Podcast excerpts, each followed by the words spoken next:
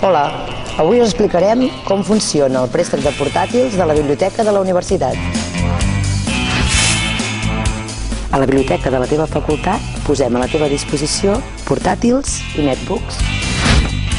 Amb el portàtil et podràs connectar a la xarxa wifi des de qualsevol punt de la teva biblioteca. Per formalitzar el préstec, adreça't al taulell de la teva biblioteca.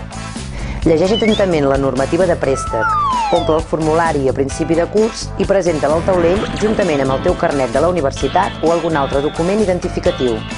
El préstec dels ordinadors és de 4 hores i s'han de retornar 15 minuts abans del tancament de la biblioteca.